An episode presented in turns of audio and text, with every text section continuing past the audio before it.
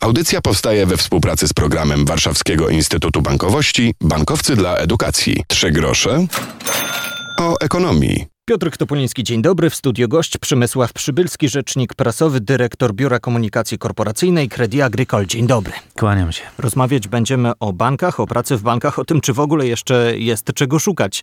Y, takie pytanie mogą zadawać kilkunastoletni słuchacze, którzy myślą o swojej ścieżce kariery. Zacznijmy jednak od tego, że chyba się trochę przyzwyczailiśmy do tego, że męczące, uciążliwe jest to teraz ciągłe potwierdzanie, zatwierdzanie, wysyłanie kodów, niezależnie co chcemy zrobić, czy się zalogować, czy wysłać przelew. No, to wszystko dla naszego bezpieczeństwa, mówicie. Oczywiście. Wybór jest prosty. Albo potwierdzamy i, i narzekamy, albo tracimy pieniądze. No, żyjemy teraz w takich czasach, że codziennie jesteśmy narażeni na to, że ktoś próbuje wyłudzić pieniądze z banku, e, wyłudzić pieniądze bez naszej wiedzy.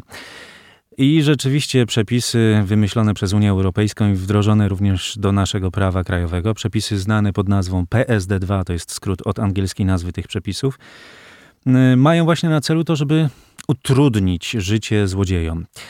Przy okazji trochę rzeczywiście utrudniają również y, życie użytkownikom, ale nie ma tego, na co można by narzekać. To znaczy te dodatkowe piny, dodatkowe autoryzacje przez aplikację mobilną albo inne sposoby zabezpieczania naszych pieniędzy mają właśnie na celu to, żeby utrudnić życie złodziejom i uniemożliwić im wyłudzanie pieniędzy bez naszej wiedzy. Czyli teraz, żeby czegoś dokonać, musimy mieć coś w głowie i coś w ręce. I tam jeszcze jedno coś było wskazane przez ekspertów od bezpieczeństwa.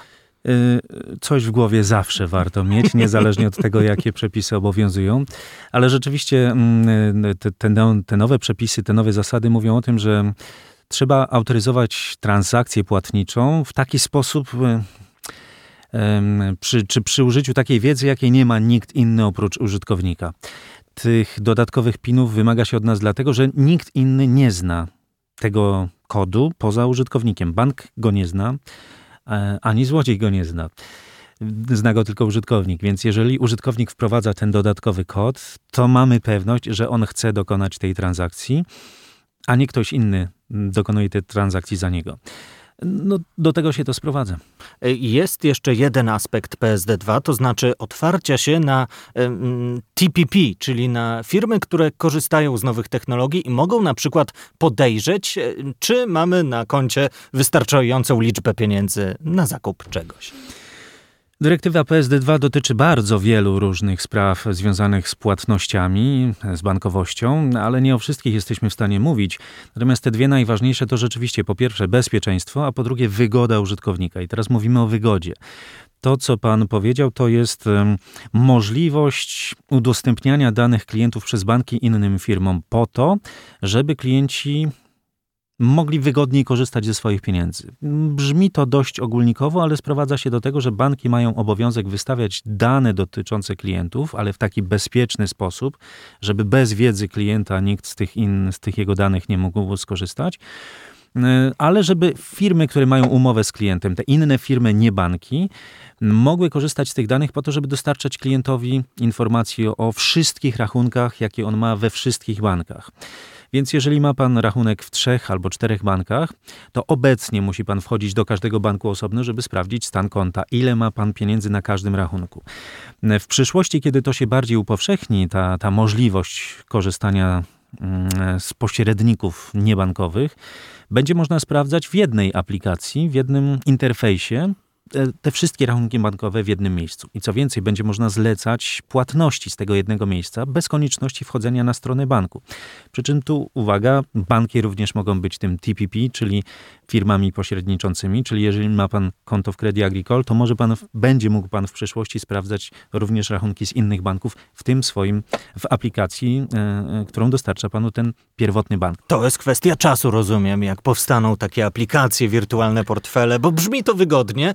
E, PSD2 weszło w życie, a tu jeszcze czekamy na to, co programiści nam zaproponują. W Wielkiej Brytanii te podobne przepisy obowiązują już od ponad dwóch lat i mm, byłem ostatnio na konferencji, na której mm, analizowano, jak to się tam rozwijało. I mm, Wniosek jest taki, że to wymaga pewnego rozbiegu. Jak samolot startuje, to najpierw długo musi się rozpędzać, żeby nabrać tej szybkości, a dopiero później oderwać się od ziemi, wzbić w przestworze. Tak to również w tym przypadku trzeba zbudować przede wszystkim zaufanie, żeby ludzie uwierzyli, że udostępnianie przez bank ich danych, danych o ich rachunkach, o tym, ile mają pieniędzy na rachunku, jakiejś zewnętrznej firmie, nie jest dla nich zagrożeniem.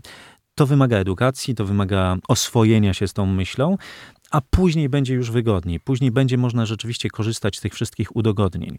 Ale mm, wrócę jeszcze raz do samej idei udostępniania danych czy otwierania bankowości. Jeżeli weźmiemy pod uwagę e, fakt, jak rozwija się mm, rynek aplikacji mm, na telefony, aplikacji mobilnych, gdyby firmy, które wymyślają systemy operacyjne na telefony typu Android albo iOS, zamknęły się i same pisały aplikacje na te swoje systemy, nie pozwalały nikomu innemu napisać e, żadnego innego programu niż samego zatwierdzą. Były już takie czasy, choćby z Symbianem i Nokią. No to tych programów wtedy jest bardzo mało i one są zazwyczaj bardzo wadliwe. Natomiast jeżeli twórca Androida otwiera ten system i pozwala niezależnym od siebie firmom pisać te programy i w ogóle ich nie musi zatwierdzać, to firmy powstają, młodzi ludzie wymyślają świetne pomysły na to, jak ułatwić życie użytkownikom telefonów komórkowych, piszą te aplikacje, e, integrują się z Androidem czy z innym systemem operacyjnym i potem udostępniają te aplikacje użytkownikom, którzy z nich korzystają.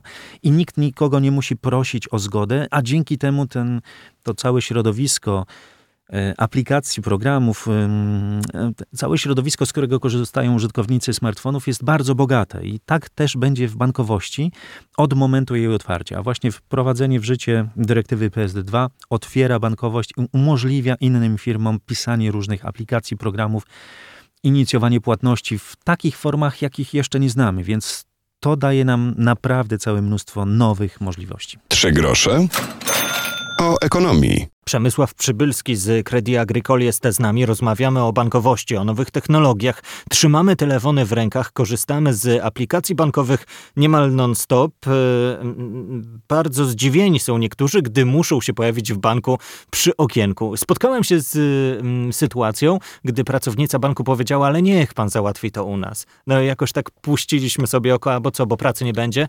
No lepiej, żebyśmy załatwili to my. Wiem, że ma, może pan to zrobić przez internet. No nie jest łatwo łatwo w tej branży y, bankowej, jak jeszcze 10 lat temu mówiło się, no idź tam na bankowość, będziesz pracować w banku. To jest już trochę inne myślenie, co można w tym banku robić, bo to nie jest okienko i pracy chyba na razie ubywa niż przybywa. Na pewno młodzi słuchacze radia nie znają tych czasów, kiedy każdą czynność bankową, na przykład każdy przelew trzeba było wykonać w oddziale, trzeba było pójść do okienka, a pani lub pan w tym okienku zapisywał dane do przelewu w zeszycie. E, długopisem. I dopiero później raz dziennie jeden oddział wysyłał do innego oddziału, albo jeden bank wysyłał do drugiego banku wszystkie te przelewy zapisane we wszystkich oddziałach tym długopisem w tych zeszytach. Dzisiaj mamy zupełnie inne czasy, bardzo wygodne, każdy może wykonać każdą czynność sam e, o dowolnej porze, czyli na przykład w nocy, w dowolnym miejscu, tam gdzie mu wygodnie, czyli na przykład siedząc w kawiarni albo, albo pijąc kawę na przerwie na budowie może wykonać taki przelew i nie potrzebuje do tego nikogo więcej. Banki dają taką możliwość, ale z drugiej strony, o ile te proste czynności użytkownicy są w stanie wykonać i wolą wykonywać sami, o tyle te bardziej skomplikowane czynności albo bardziej skomplikowane, bardziej odpowiedzialne decyzje wolą konsultować jednak z kimś żywym, z kimś, kto się na tym zna i będzie mógł im doradzić.